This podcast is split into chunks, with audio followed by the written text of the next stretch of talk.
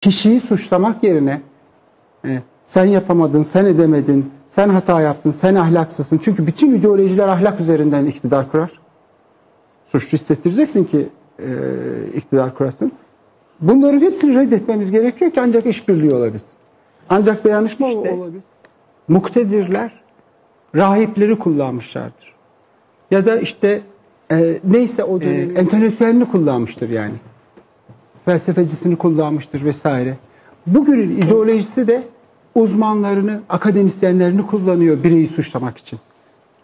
Aslında uzmanlar, akademisyenler bunların kendilerine bir bakması gerekiyor. Ya biz kime alet olup niye insanları suçluyoruz ya? 17 yaşındaki bir kız çocuğunun hata yapma olasılığı çok düşüktür.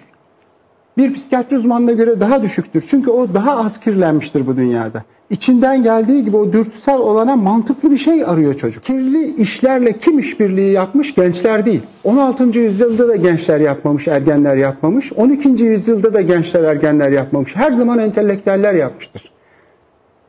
Maşası olmuştur her zaman gücün, iktidarın, ideolojinin. Bütün dünyada böyle. ekonomilerin maşası uzmanlardır, akademisyenlerdir. Çünkü öbürü yapamaz ki zaten. İşbirliği içinde olan biziz. Yani biz de ne yapıyoruz? Aynı neoliberalizmi bir din gibi insanların sırtına yüklüyoruz. Bireyi suçluyoruz. Ahlaksız oldunuz diyoruz. Beceremiyorsunuz diyoruz. Bilgisayarın başından kalkmıyorsunuz. İnsanı iyi ya da kötü olarak tarif edemem. Ama e, umutlu olmak güzeldir. Şöyle tarif. Kötülüğünden vazgeçebilen varlığa insan değil, diyelim derim.